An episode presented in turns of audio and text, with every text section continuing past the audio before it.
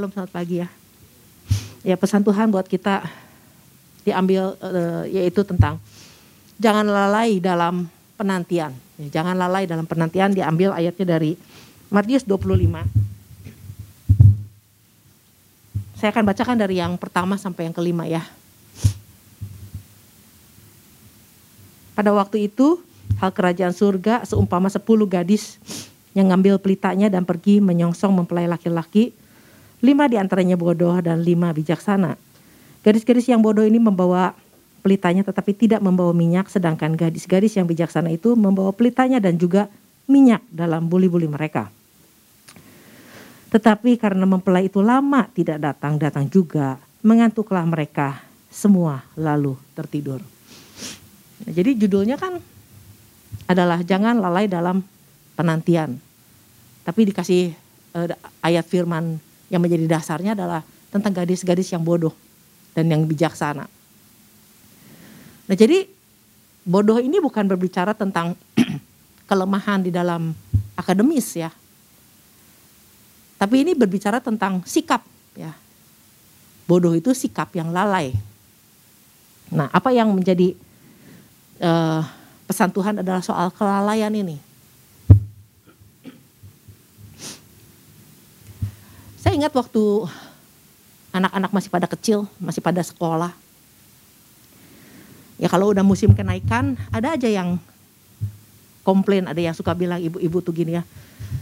Anak saya tuh kenapa nggak naik kelas ya?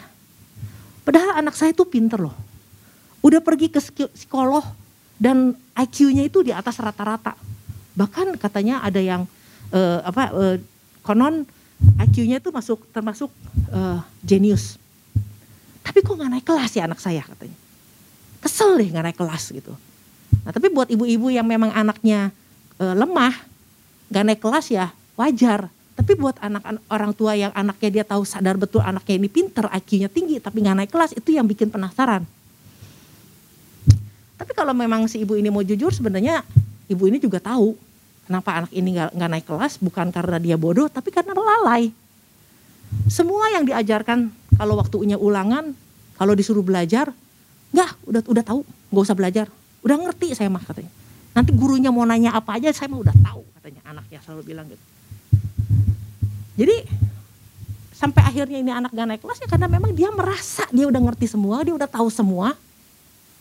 Disuruh bikin PR, enggak lah nggak usah bikin PR. Saya mau udah tahu semua jawabannya.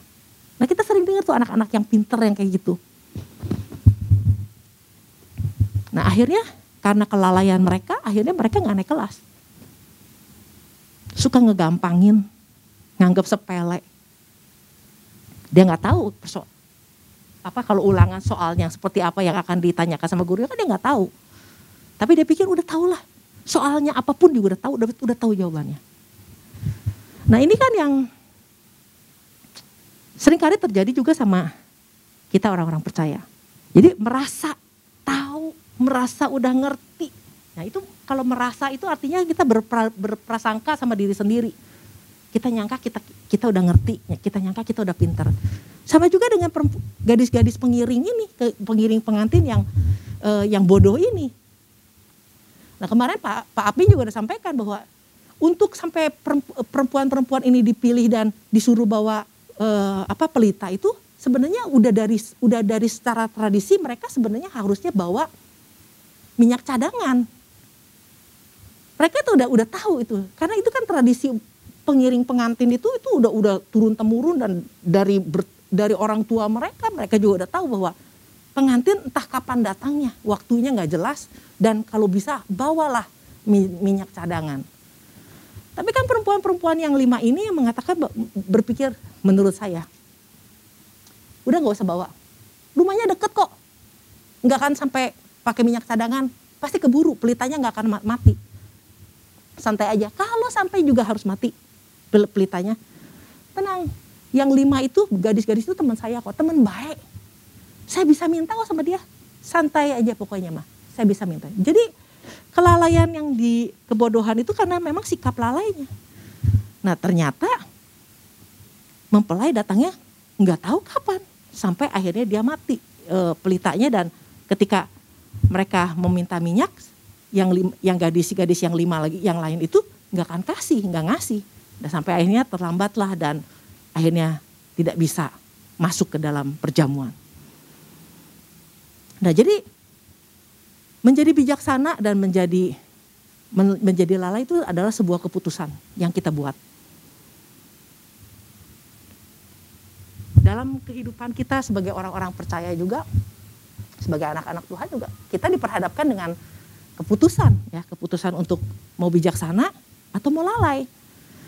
Nah kadang-kadang kita merasa bahwa oh ayat Matius 25 ayat yang kelima tentang gadis-gadis yang bodoh dan gadis-gadis yang bijaksana, gue udah tahu ceritanya tuh, udah bosen gue dengernya, udah ngerti lah maksudnya apa ke mana. Nah kalau orang yang selalu yang bilang bahwa oh udah ngerti gue udah tahu ceritanya, artinya dia nggak tumbuh.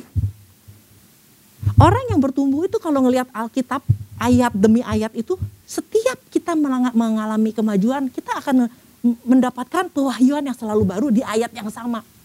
Itu namanya orang yang bertumbuh. Tapi kalau orang yang nggak bertumbuh flat dari dia TK sampai dia mahasiswa dia baca ayat ini sama aja. Artinya lu nggak tumbuh, nggak ada progres. Nah makanya kan itu selalu jawaban yang di, di, selalu membuat orang jadi lalai. Gua ngerti itu, gua tahu maksudnya itu. Nah, saya saya merasa bahwa gini, bahwa Tuhan itu begitu sangat mengasihi kita. Mengasihi kita lewat pesan demi pesan. Tuhan ingatkan kita tiap-tiap hari. Nah, di dalam masa penantian, apa sih sebenarnya yang kita lagi nantikan? Ya kita bisa disebut menantikan datangnya mempelai. Kita bisa disebut juga lagi menantikan jawaban doa. Lagi menantikan sebuah pemulihan. Ya. Nah, sebenarnya apa sih yang kita harus ya, yang harus kita lakukan di dalam penantian itu? Nah, minggu lalu kita diingatkan tentang setiap orang, mau orang muda, mau orang tua, mau laki-laki, mau perempuan, mau anak-anak, semuanya dituntut untuk menjadi serupa dengan Kristus. Untuk mengalami kemajuan yang nyata. Karena memang itu dari rencana awal Tuhan menciptakan manusia segambar dan serupa dengan Allah dan itu sebu untuk menjadi serupa dan segambar dengan Allah itu sebuah proses yang panjang banget. Itu proses yang panjang. Jadi apa pun yang sedang kita nantikan mungkin kita lagi nunggu pemulihan terjadi bahwa kemajuan itu proses untuk kita maju menjadi seperti Kristus itu nggak bisa berhenti. Saya juga dalam pergumulan menanti jawaban Tuhan untuk pemulihan, untuk kesembuhan. Tapi untuk terus membekali diri, membenahi diri, untuk terus mengalami progres itu kita nggak bisa berhenti. Nah orang yang berhenti akhirnya untuk tidak lagi mau progres, tidak lagi mau uh, apa uh, membenahi diri itu karena orang kecewa, kecewa sama kok gue jawab doa gue belum dijawab, kok orang yang gue harapin berubah kok nggak berubah berubah. Nah sampai walaupun nggak disampaikan di, di dalam di mulut nih, gue kecewa sama Tuhan. Banyak orang nggak orang percaya nggak mungkin ngomong kayak gitu, bisa bisa nggak mungkin ngomong kayak gitu. Kenapa? Kekecewaan itu adanya di hati kita. Nah, kecewa itu nggak nggak di, nggak di, nggak diomongin, tapi ada di hati. Nah, tapi itu mempengaruhi keputusan-keputusan kita tanpa kita sadari. Akhirnya, udahlah, nggak usah, nggak usah e, ibadah, nggak usah baca Alkitab lagi. Itu ada keputusan yang dibuat tanpa dia sadari karena hasil dari kekecewaan. Nah, jadi tapi orang-orang yang dalam nggak dalam proses eh, nggak di dalam pergumulan pun juga ada di dalam proses penantian. Orang-orang yang saat ini dalam kondisi nyaman, ya maksudnya secara ekonomi baik, secara kesehatan baik, segala secara posisi kehidupan baik. Nah, orang-orang yang seperti ini pun juga harus tetap membangun kehidupan dia untuk menjadi serupa dengan Kristus. Nggak bisa berhenti.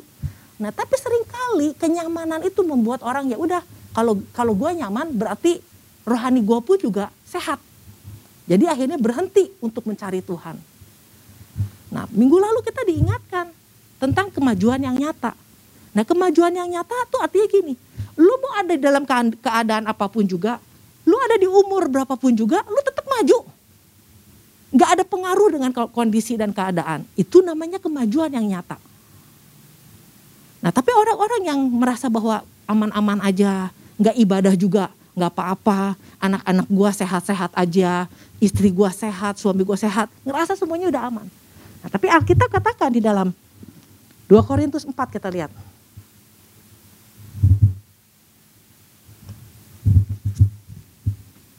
Di dalam 2 Korintus 4 ayat yang ke-16. Sebab itu kami tidak tawar hati tetapi meskipun manusia lahiriah kami semakin merosot namun manusia batinia kami diperbaharui dari sehari ke sehari. Jadi progres itu di dalam Tuhan perubahan hidup ya diperbaharui itu berhubungan Eh, dalam bahasa aslinya uh, anakoi no, anakoi kaino itu berhubungan dengan pertumbuhan, berhubungan dengan perubahan bentuk dari bentuk lama menjadi bentuk yang baru. Nah, ini manusia batinnya diperbaharui, di, di, dirubah bentuknya itu dari hari ke hari, bukan dari bulan ke bulan, bukan dari tahun ke tahun, dari setiap hari. Nah makanya kalau misalnya kita dikasih kesempatan untuk kok ada doa pagi tiap hari. Orang pikir percuma, gak berguna gitu loh. Tapi kita jangan pikir gak berguna loh. Kita sedang memperbaharui, kita dengar firman Tuhan, kita sedang memperbaharui dari hari ke sehari.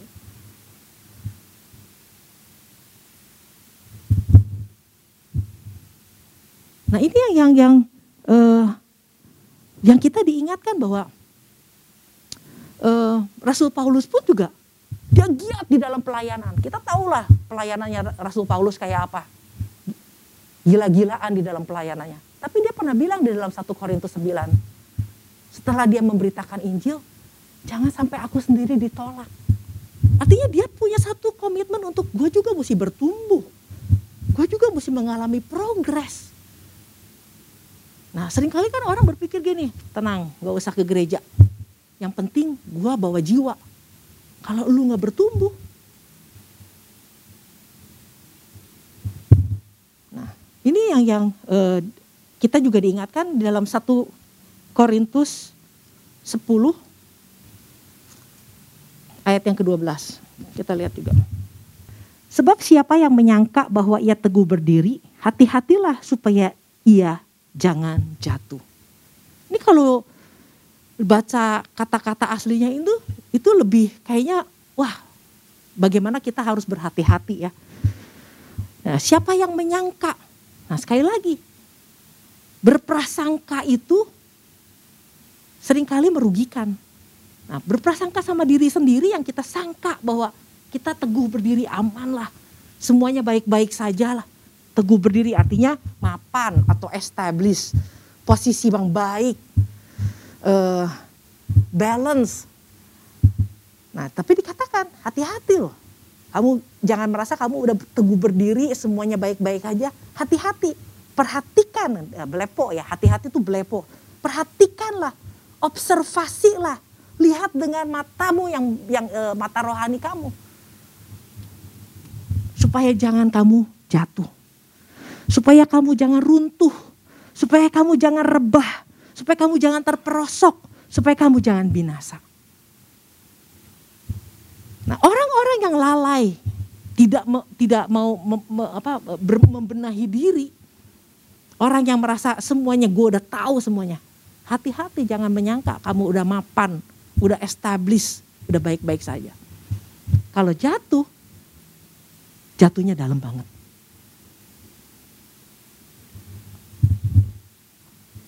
Nah ini saudara, kita diingatkan. Jadi uh, oleh karena itu apa pun yang kita lagi nantikan, pergumulan kita, kita lagi nantikan jawaban Tuhan, atau kita lagi menantikan kedatangan Tuhan, kita harus tetap bergairah untuk membangun kehidupan kita. Membang, membenahi diri. Jadi untuk supaya kita bergairah dan tidak lalai, kita harus punya pandangan gini, bahwa hidup ini kesempatan. Hidup ini Tuhan kasih kita masih hidup itu adalah kesempatan untuk kekekalan. Nah, kalau bicara tentang kekekalan itu ada dua.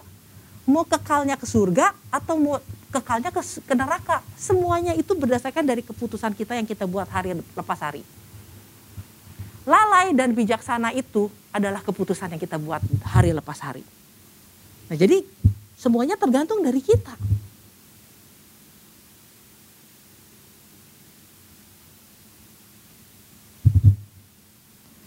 Nah, kadang kadang-kadang orang suka lalai, tidak mau membangun diri karena dia merasa gini, saya udah diselamatkan.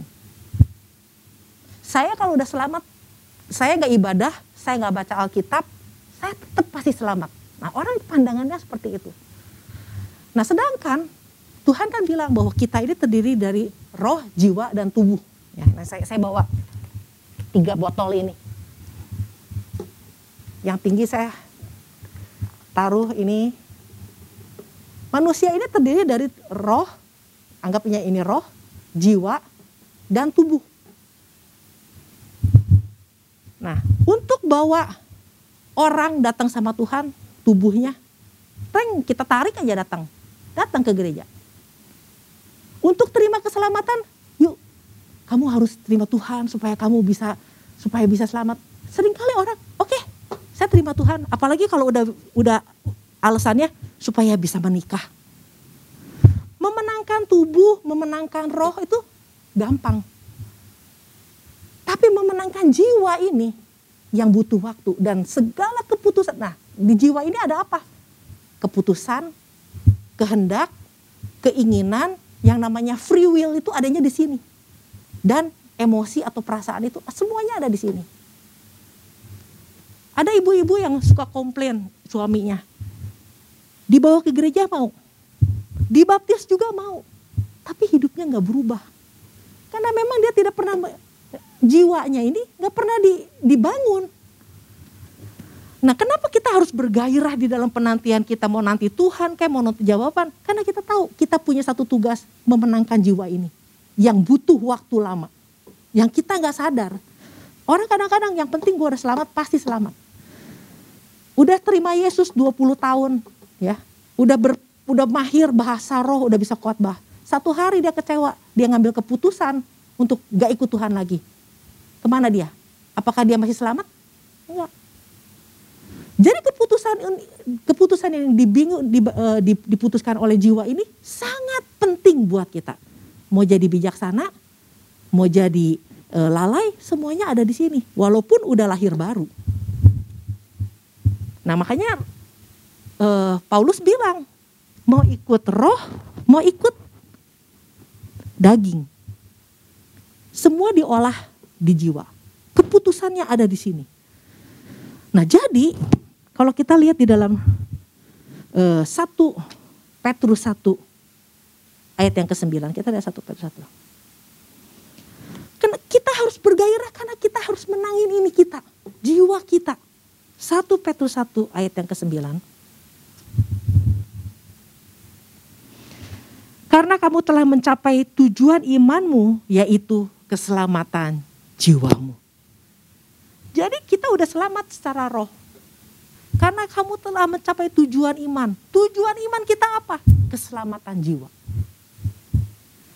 Nah, Tuhan kasih free will, ya. Tuhan kasih ke kita hadiah, ya. Boleh dibilang free will itu hadiah Tuhan, pemberian Tuhan yang paling powerful. Kenapa powerful? Karena dari pemberiannya Tuhan ini kita bahkan kita punya kebebasan untuk memilih tidak mempercayai Tuhan, tidak mau taat Tuhan, kita punya kebebasan banget. Atau kita mau lebih ikut apa kata dunia, kata setan, kata apa pun kita bisa ikut berdasarkan free will-nya kita. Nah, kita mau kita tahu firman, kita tahu ini dan itu. Gua nggak mau ke gereja, mau apa? Semuanya ada di sini. Kebebasan, nggak ada orang yang bisa paksa. Bahkan waktu Yesus turun ke dunia pun, kalau misalnya sampai Yesus datang ke dunia, lu mesti ke gereja, lu mesti ke gereja. Kalau dia bilang kagak mau, gak akan ada yang bisa rubah. Jadi kehendak bebas manusia itu sangat penting dan bagaimana kita harus menjinakkan ya menjinakkan kehendak bebas kita ini untuk taatnya sama Tuhan. Caranya dengan satu, kamu harus tinggal di dalam firman. Yohanes 15, kamu harus ada di dalam Tuhan, kamu harus tinggal di dalam Tuhan. Tinggal di dalam Tuhan bukan sekali-kali. Betul-betul kamu harus serumah, kamu harus bersama-sama terus dengan firman Tuhan. Supaya apa? Pilihan kita. Pilihan tentang kehidupan. Pilihlah hari ini. Mau kehidupan atau mau mati. Semuanya ada di sini. Nah, jadi jangan kita pikir bahwa gue yang penting gue udah selamat, udah terima Tuhan.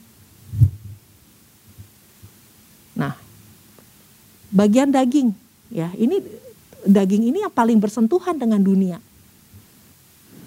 Panca indera kita semua menyerap apa yang dari dunia, intimidasi, ketakutan, pandangan-pandangan dunia semua masukin dari daging.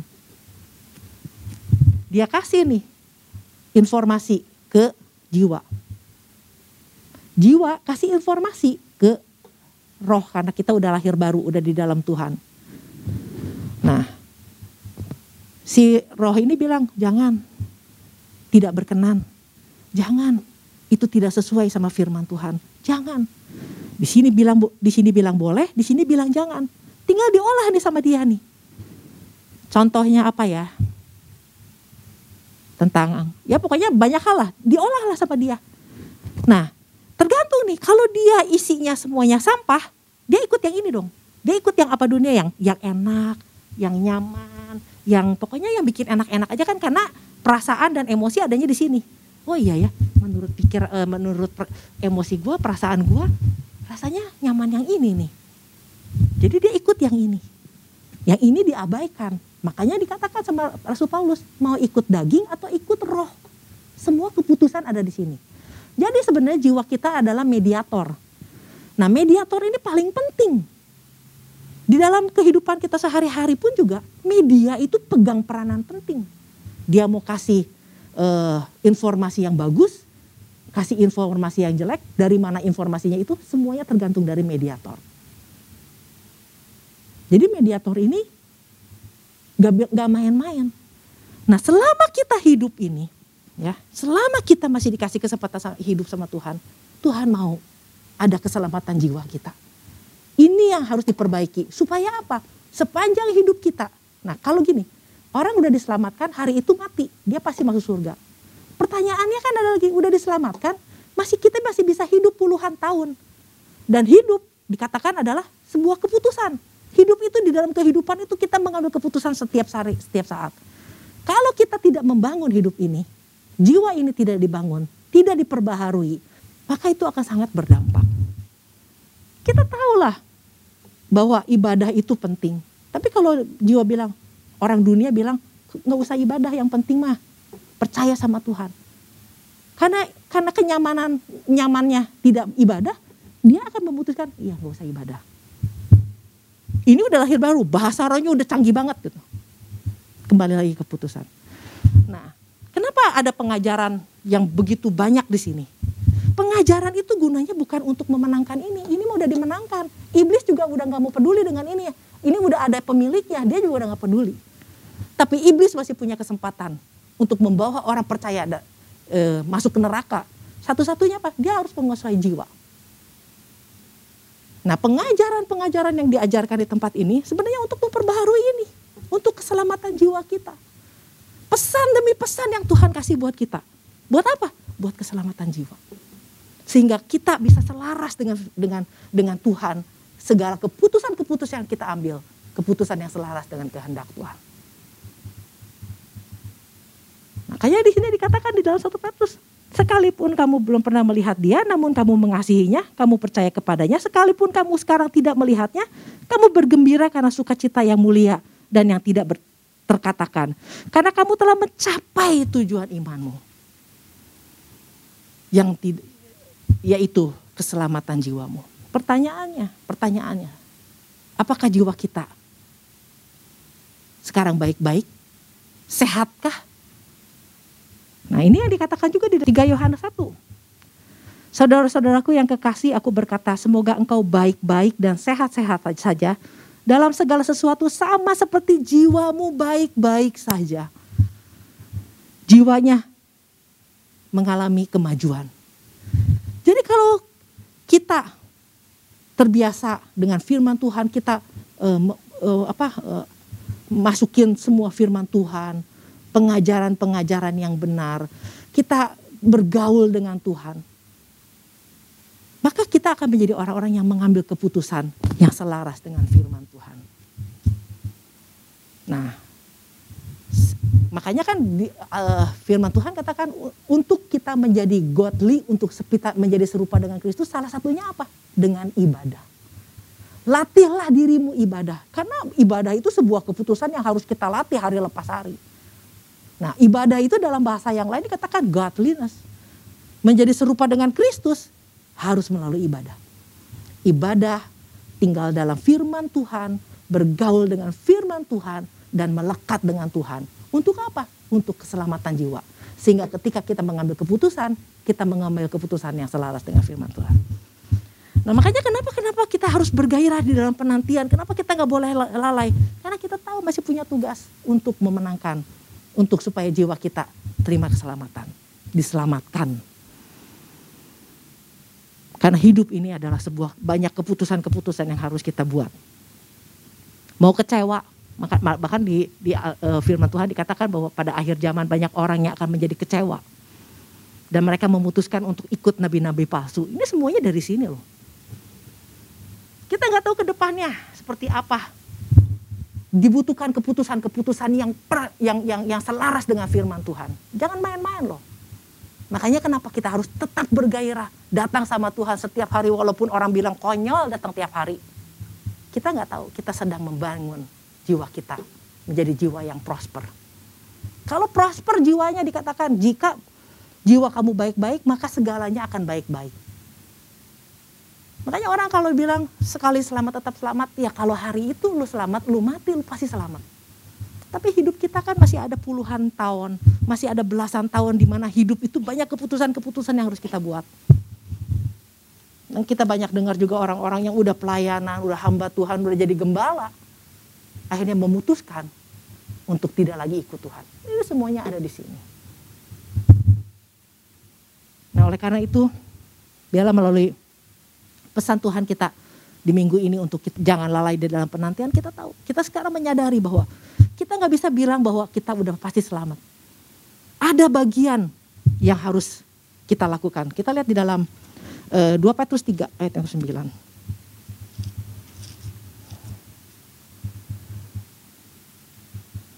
2 Petrus 3 uh, eh, ayat yang 2 Petrus 3 ayat yang ke-9 Tuhan tidak lalai menepati janjinya, sekalipun ada orang yang menganggapnya sebagai kelalaian. Tetapi ia sabar terhadap kamu, karena ia menghendaki supaya jangan ada yang binasa, melainkan supaya orang berbalik dan bertobat. Jadi gini, Tuhan tuh baiknya bukan main sama kita. Supaya kita benar-benar ngalamin uh, kemajuan yang nyata sampai kita bisa menjadi serupa dengan Kristus, Tuhan tuh taruh, Tuhan kasih Tuhan selamatkan Yesus sampai datang ke dunia nyelamatin kita. Udah gitu Tuhan kasih Alkitab buat sebagai penuntun kita. Udah gitu Tuhan kasih roh kudus untuk menjadi penolong kita. Itu fasilitas yang Tuhan kasih loh. Supaya apa? Kita semuanya selamat. Supaya kita semuanya menjadi serupa dengan Kristus. Lalu Tuhan kasih apa? Tuhan kasih gembala dan tim penggembalaan. Supaya apa? Ada yang negur kita ada yang ngasih nasihat sama kita, ada yang mengingatkan kita kalau kita salah jalan. Semuanya Tuhan kasih supaya apa? Supaya kita semua mengalami pertumbuhan. Dan yang yang yang yang yang yang lebih lagi bahwa Tuhan bahkan Tuhan kasih firman-Nya, kasih pesannya buat kita setiap minggu. Itu fasilitas yang Tuhan kasih buat pertumbuhan dan kemajuan yang nyata. Nah, balik lagi kepada keputusan kita. Makanya dikatakan bahwa sebenarnya Tuhan nggak nggak nggak bukannya tidak menetap eh, tidak lalai menepati janji ya, tapi Tuhan kasih kesempatan buat kita. Nah siapa gembala? Gembala adalah orang yang nangkep isi hatinya Tuhan. Supaya apa? Supaya orang-orang jangan sampai tidak diterima keselamatan. Dah, karena dia tangkep isi hatinya Tuhan supaya semua orang berbalik dan bertobat. Makanya diingetin terus. Nah cuman yang nangkepnya suka mikir, tuh gembala ngapain sih nyuruh-nyuruh ke gereja? Pengen duit gua ya, pengen perpuluhan lah, persembahan enggak. Gembala itu nangkep isi hati Tuhan, jangan ada seorang pun yang binasa. Sebenarnya kalau gembala nggak mau nggak mau nggak mau apa nggak mau ingetin orang-orang juga dia mah nggak rugi apa-apa dia mah pasti selamat cuma karena nangkep isi hati Tuhan supaya tidak ada seorang pun yang binasa makanya diingetin nah tinggal respon kita keputusan yang kita ambil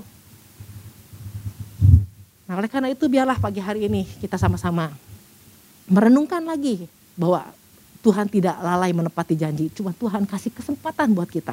Supaya apa? Supaya keselamatan kita mengalami keselamatan jiwa juga.